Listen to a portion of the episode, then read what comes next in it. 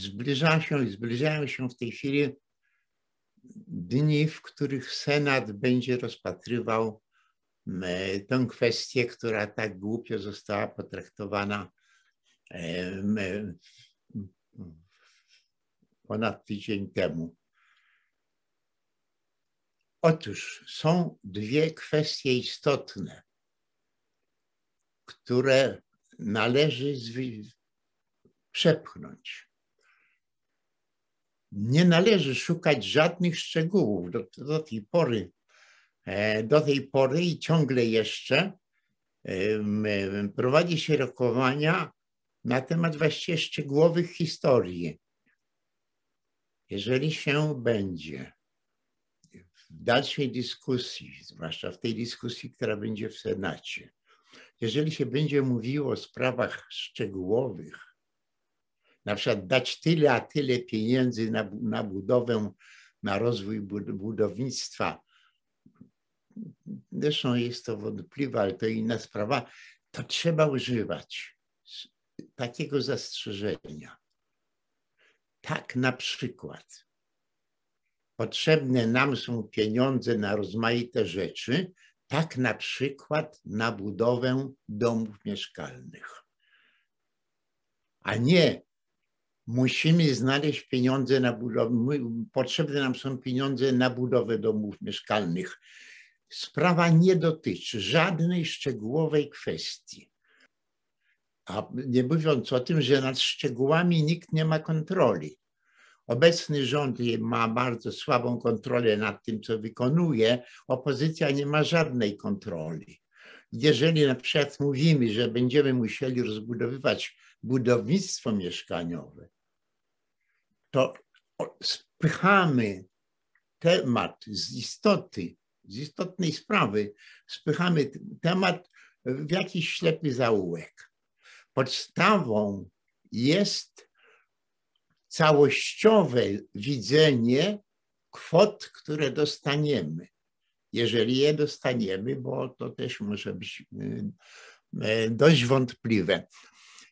To jest pierwsza rzecz. A druga rzecz jest taka, żeby być praworządni i żeby nie narażać się, że Unia będzie negatywnie patrzyła na nasze potrzeby finansowe, to należy stworzyć komisję, która będzie komisją całego parlamentu, a nie większości czy mniejszości.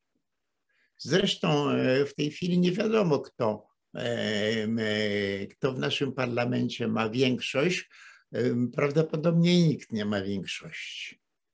Żeby móc dostać te pieniądze, żeby zdobyć zaufanie Komisji Europejskiej. Nasze zaufanie jest bardzo w tej chwili niepełne, niewielkie w Komisji Europejskiej. Żeby to zdobyć, to jest tylko jedno rozwiązanie. Tą, tymi kwotami, dotacjami i kredytami powinien zarządzać zespół, powinien zarządzać zespół, który będzie miał w równej mierze opozycję i rząd zginie w ogóle wtedy, zginie w ogóle wtedy e, chęć do tego, e, e, żeby uzyskać przewagę nad innymi. W tej chwili tą przewagę nad innymi chce uzyskać i rząd, i opozycja. Ale równocześnie rząd nie ma większości i opozycja nie ma większości. I teraz mówi się, no co opozycja zrobi? Nic nie zrobi, bo nie ma większości. Może zrobić tylko jedną rzecz. Opozycja, która nie ma większości, uzysku i rząd, który nie ma większości, uzyskują możliwość zablokowania drugiej strony. Opozycja może nie dopuścić do tego, żeby przeszła ustawa rządowa rząd może nie dopuścić do tego, żeby przeszła ustawa zrobiona przez opozycję. Nawzajem się blokują, blokować się mogą. Do blokowania znajdą chętnych. Prawda? Znajdą chętnych. Stąd też, jeżeli będzie ta komisja równo podzielona, trzeba będzie udowodnić, jakie rozwiązanie jest słuszniejsze. Jeżeli się obie strony zgodzą, które rozwiązanie jest słuszniejsze, to ono przejdzie. Będzie większy kłopot z blok, przy takim, e, przy takiej e, grupie e, prowadzącej całą tą sprawę, nie będzie łatwo zablokować, bo obie strony są równej wielkości, ale będzie konieczność, żeby znaleźć najlepsze rozwiązanie, bo jak się tego najlepszego rozwiązania nie znajdzie, to się nie dostanie tych pieniędzy. I dlatego w tej chwili Senat powinien po pierwsze zmienić, ma do tego pełne prawo, zmienić ustawę w ten sposób, żeby powołać decydujący, mający głos decydujący jakiś komitet, jakiś zespół, gdzie opozycja i rząd będą miały równą ilość, a w rozmowach nie zajmować się szczegółami. To, to taka kwestia, o której, bieżąca, o której chciałem powiedzieć. Natomiast chciałem złapać jeszcze inną kwestię i tę tak trzeba złapać byka za rogi. Nie załatwimy tej innej kwestii na dzisiejszym posiedzeniu. Ona jest dłuższa, a mianowicie groźbę rosyjską. Tradycyjnie w Polsce boimy się Rosji. A w tych rzadkich przypadkach, kiedy się Rosji nie boimy, to Rosja dostaje od nas skórę. Jak długo działa strach przed Rosją, a ten strach przed Rosją także to nie jest już taki wielki strach jak kiedyś, ale to jest oczywiście strach.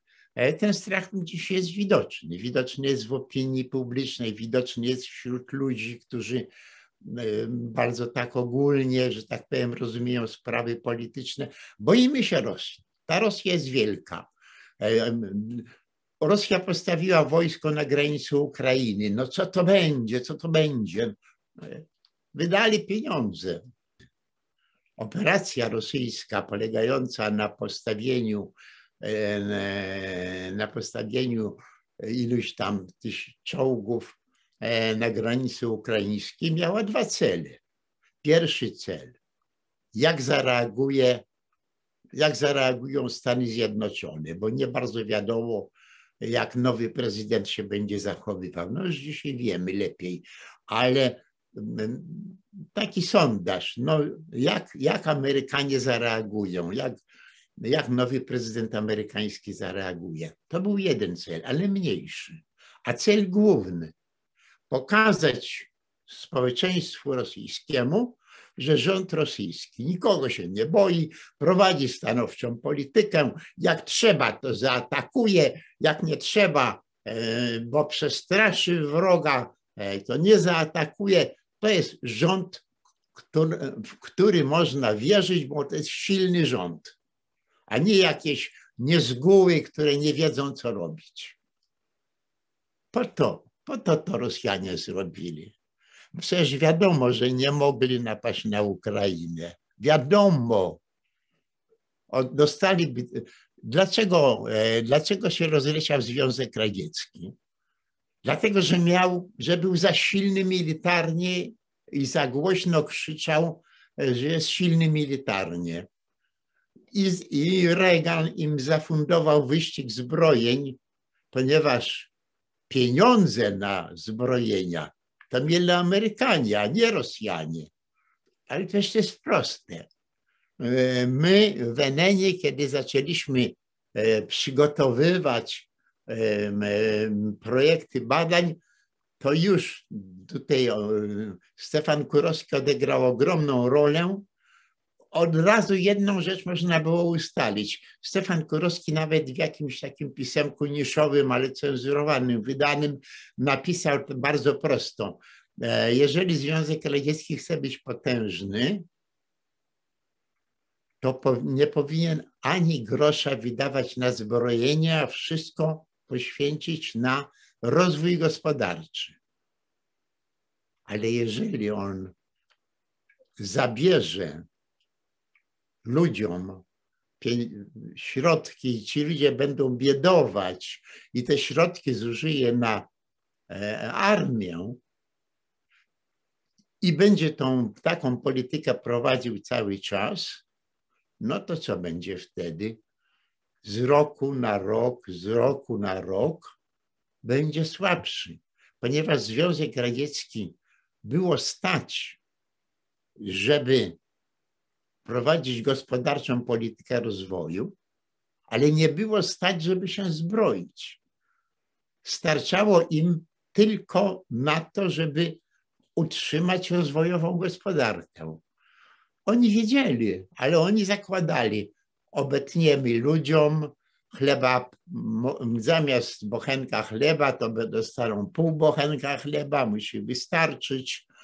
E, zamiast mięsa mogą jeść kartofle, e, mogą nawet jeść dwa razy więcej kartofli niż mięsa. Jakie skutki? No skutki takie, że Związek Radziecki był e, w, w końcu lat 1980 osiągnął szczyt sił nuklearnych, rakietowo-nuklearnych, bomb i tak dalej. W niektórych dziedzinach e, przekroczył e, Stany Zjednoczone. I co z tym zrobili? Na, na, na śmietnik wyrzucili.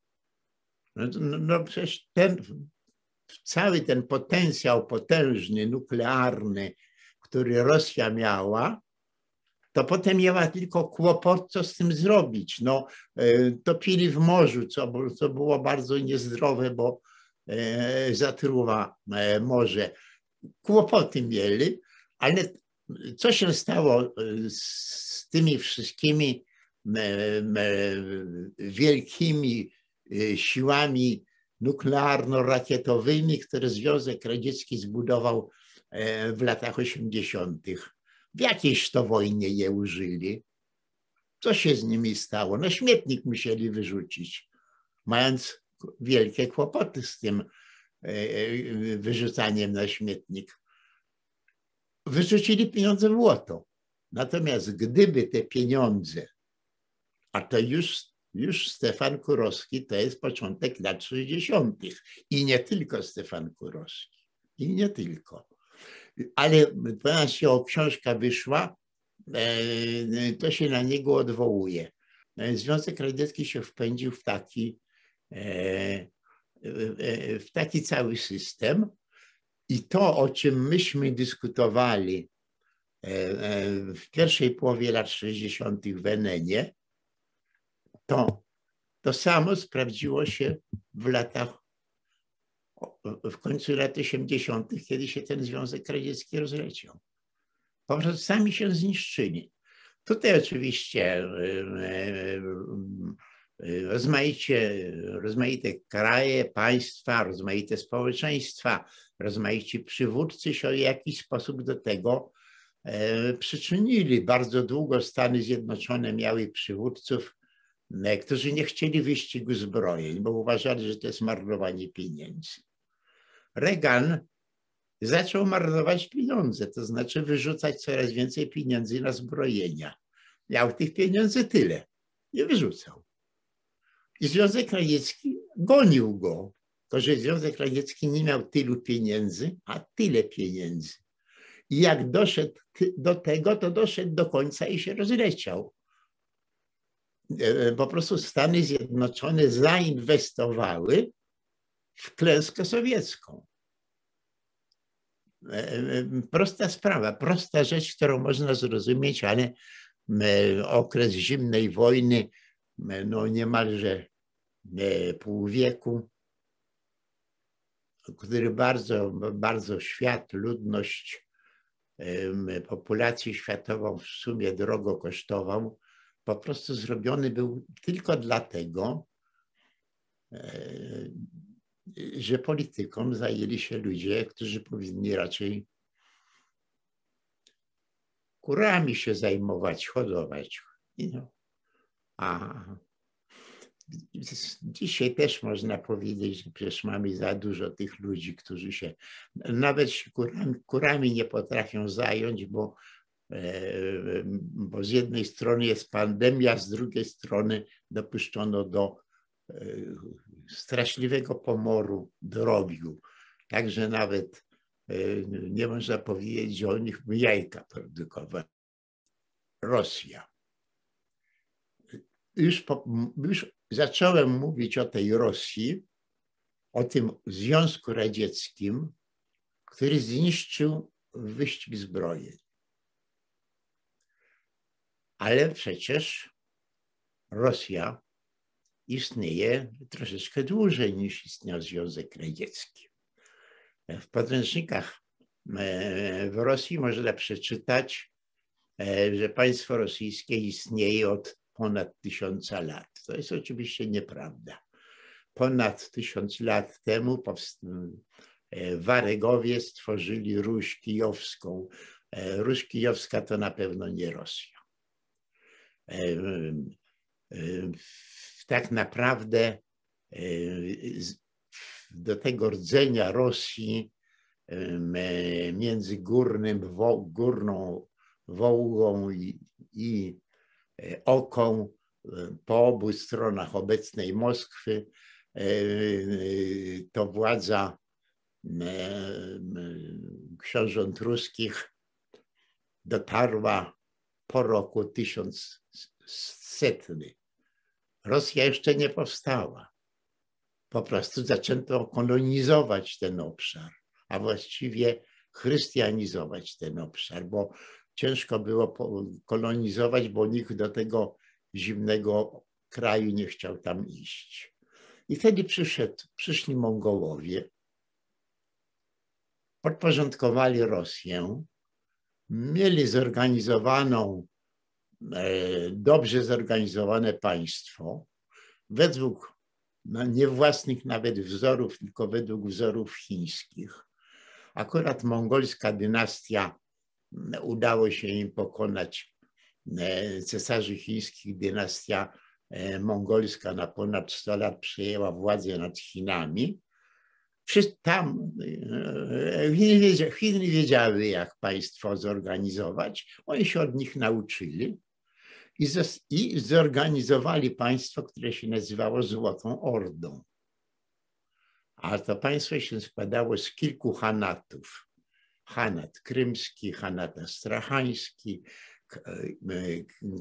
środkowo-wołżański i także jeden, który się nie nazywał hanat, tylko nazywał się księstwa na, księstwa zaleskie, księstwa na Zalesiu.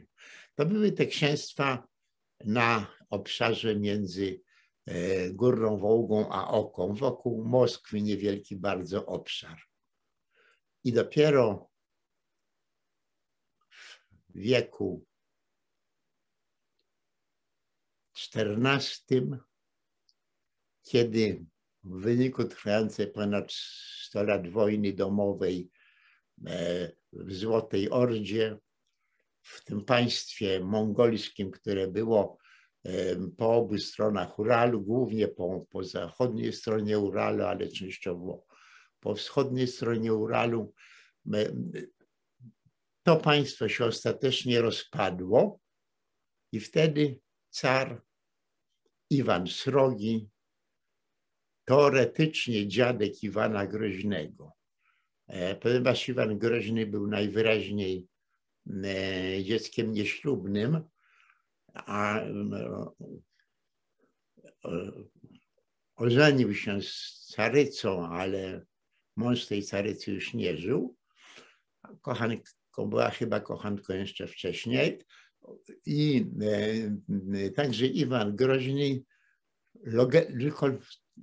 tylko legalnie uchodził za wnuka Iwana Srogiego, ale praktycznie to już była inna rodzina, inny, inny ojciec, który to stworzył, bo ta, oni, oni z Romanowych stali się po prostu już mongolską rodziną. I oni, i dopiero ten Iwan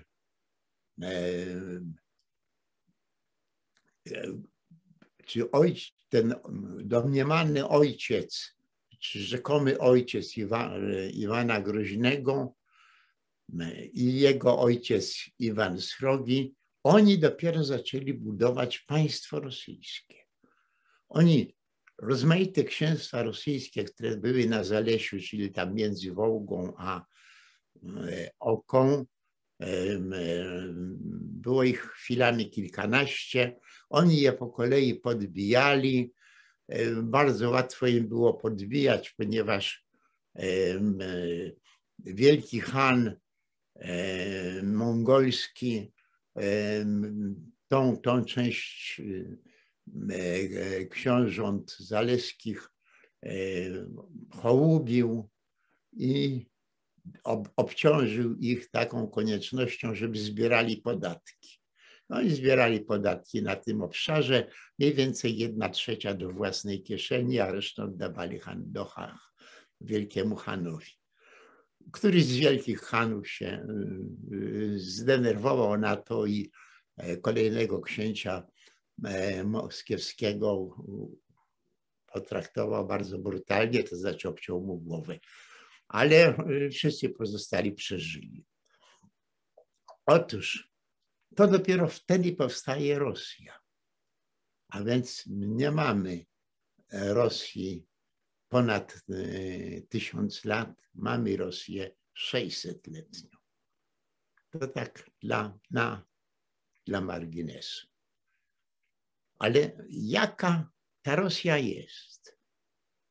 Ona jest raz potęgą, a potem idzie na dno. Po okresie y, zwycięstw, utworzenia wspaniałego państwa e, przez Iwana Groźnego, potem ono się rozpada, jest okres wielkiej smuty. E, wszyscy walczą z wszystkimi, e, Polacy dynastia Wazów chciała przejąć ten tron. Szlachta polska się na to nie bardzo e, godziła, żeby przejmowali tron rosyjski, taki półmongolski, znaczy nie rosyjski, bo nikt nie znał tej nazwy Rosji. No. E, może inaczej. E, słowo Rosja w Bizancjum oznaczało Ruś. E, e, I te, to słowo e, bizantyjskie, czyli greckie, zostało przyjęte przez Piotra Wielkiego dla Wielkiego Księstwa Moskiewskiego. Do lat dwudziestych XVIII wieku to państwo nazywało się Księstwo Moskiewskie. I on se wziął tłumaczenie, tłumaczenie słowa Ruś na na zepsuty język grecki, na język bizantyjski i, i założył cesarstwo rosyjskie. I teraz tak, powiedziałem, idą w górę i spadają. Idą w górę i spadają. Idą w górę i spadają. W XX wieku mieli spadek dwukrotny. Carat bez bardzo słabo się broniąc, rozsypany, zniszczony, trochę dostał od Niemców podczas wojny, ale przede wszystkim został zniszczony przez własnych mieszkańców. To nie tak, że, że ktoś przyszedł i, i te, to cesarstwo rosyjskie zniszczył. Nie. To zniszczyli go jego właśnie, właśnie mieszkańcy, ponieważ nadszedł okres takiej słabości. No i powstał Związek Radziecki. Cały świat się bał Związku Radzieckiego, ale nie wszyscy ludzie na świecie. I co się stało ze Związkiem Radzieckim? Ile czasu potrzebował, żeby się rozpaść? W roku 1988 jeden z najlepiej przygotowanych prezydentów amerykańskich XX wieku, e, Richard Nixon, który potem wydawał najmądrzejsze książki dotyczące e, polityki światowej, polityki międzynarodowej, wydał kolejną swoją książkę pod tytułem 1999, to jest cyfra, Zwycięstwo bez wojny. Victory without war. Zwycięstwo bez wojny. Wydał tą książkę na wiosnę 1988 roku. I wydając tą książkę, napisał: Do roku 1999 jesteśmy w stanie uzyskać taką przewagę nad Rosją, że ją zmusimy, żeby to było mocarstwo drugiej klasy, a my jesteśmy mocarstwem pierwszej klasy. I opisał to wszystko bardzo dokładnie, ale napisał, no nie, nie wszystko przecież Rosjanom możemy zabrać. I tak na przykład możemy zabrać Nikaragwę, możemy zabrać e, e, Angolę, możemy zabrać Afganistan, ale są takie kraje, których nam Rosjanie nie oddadzą. I pierwszym takim krajem jest Polska. Dlaczego? Bo Rosja będzie bardzo słaba, ale nie tak słaba, e, żeby nie zatrzymać Polski.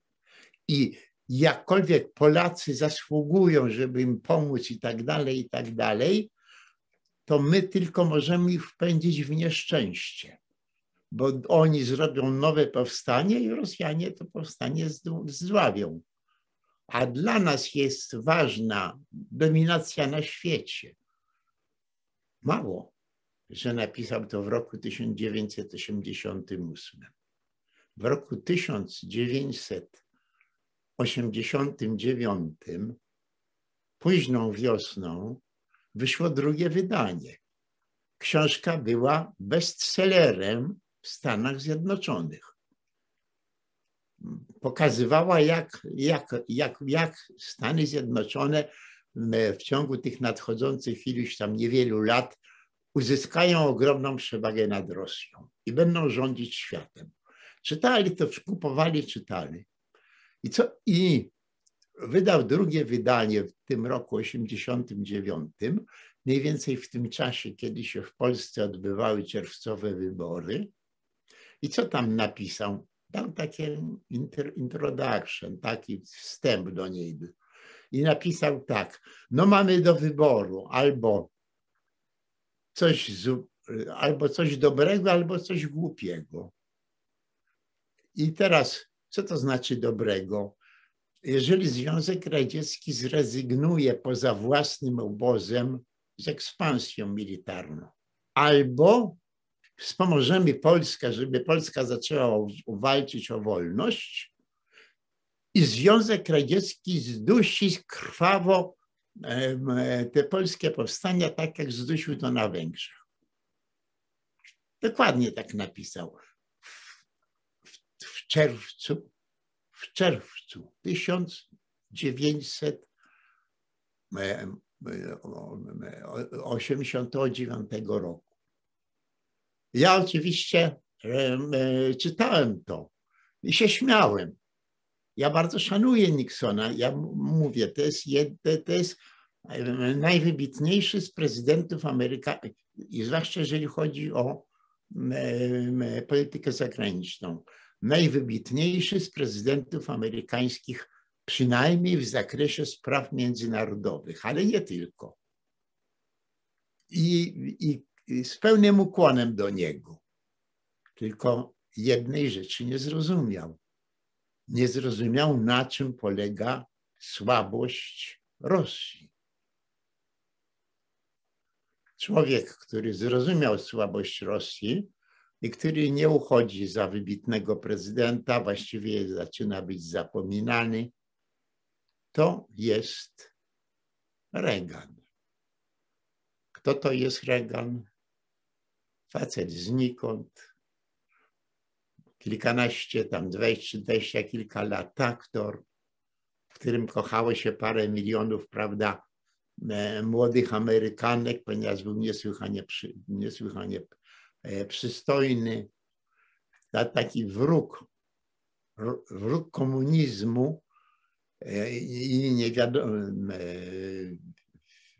w niczym nieustępliwy, powoli, powoli, powoli od aktora do publicysty, od publicysty do wydawcy, od wydawcy do polityka, od polityka do prezydenta.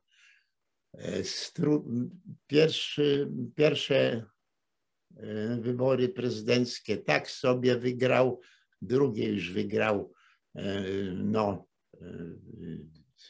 z rękami w kieszeni. I on, wie, i, on, I on zrozumiał jedno, że jeżeli damy, jeżeli dopuścimy do wyścigu zbrojeń między Stanami Zjednoczonymi, do wyścigu zbrojeń, e, e, do, do walki e, na przykład o surowce, trzeba najpierw wydać dużo pieniędzy, a do, dopiero wtedy te surowce można korzystać z nich. Najpierw trzeba to wydawać i e, Reagan rozumiał, zrozumiał to i prowadził bardzo prostą politykę. Budują Rosjanie rurociąg. To wszystko zrobimy, żeby nie dostali kredytów, bo oni nie mają pieniędzy, muszą mieć kredyty. Nie zbudują rurociągu. Jak nie zbudują rurociągu, to nie, nie, dostaną pieniędzy za ropę, którym tym rurociągiem wyszła. No i tak było.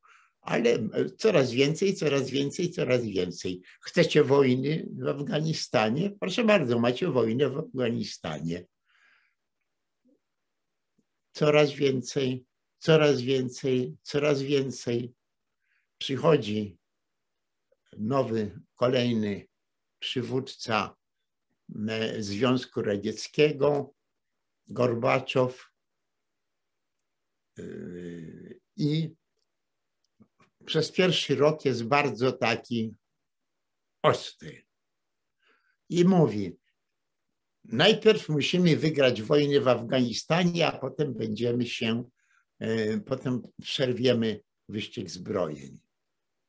No i naciska, budują armię pełne pełne ilości uzbrojenia, na co Amerykanie dają przede wszystkim Stingery. Pokaże się rosyjski helikopter, trzask, lata nisko samolot, chce bombardować, trzask, nie ma go. Kto, kto strzela do tych bardzo rozwiniętych, latających urządzeń? Niepiśmienny chłop. On tylko wie, że on taką rurę położy na ramieniu, tak mniej więcej ją skieruje na ten nadlatujący e, helikopter, który ma zaraz desant zrobić i naciska taki guzik tam jest. On naciska ten guzik i fiu, nie ma, nie ma helikoptera, nie ma co zrzucać. Nie ma nikt nie wróci do bazy. No i Reagan zaciera ręce, a co robi Gorbaczow? Jeżeli Gorbaczow po raz pierwszy się spotkał e, w Wiedniu e, z, e, z i Reagan na niego wjechał, że on jest taki, owaki i tak dalej, że krzyczał go straszliwie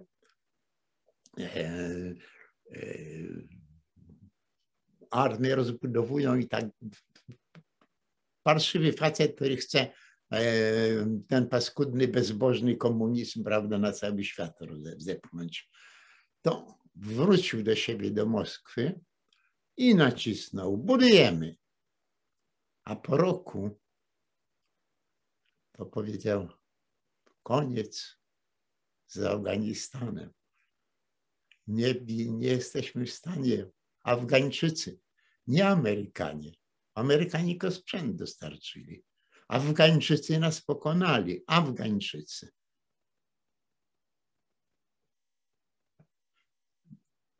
To tak wygląda chwilami Rosja, a chwilami jak wygląda czołgi e, w Berlinie, a 100 lat wcześniej, trochę więcej niż 100 lat wcześniej, kawaleria e, rosyjska po paryskim bruku, aż po, Nowy, aż po Orlean nad Loarą.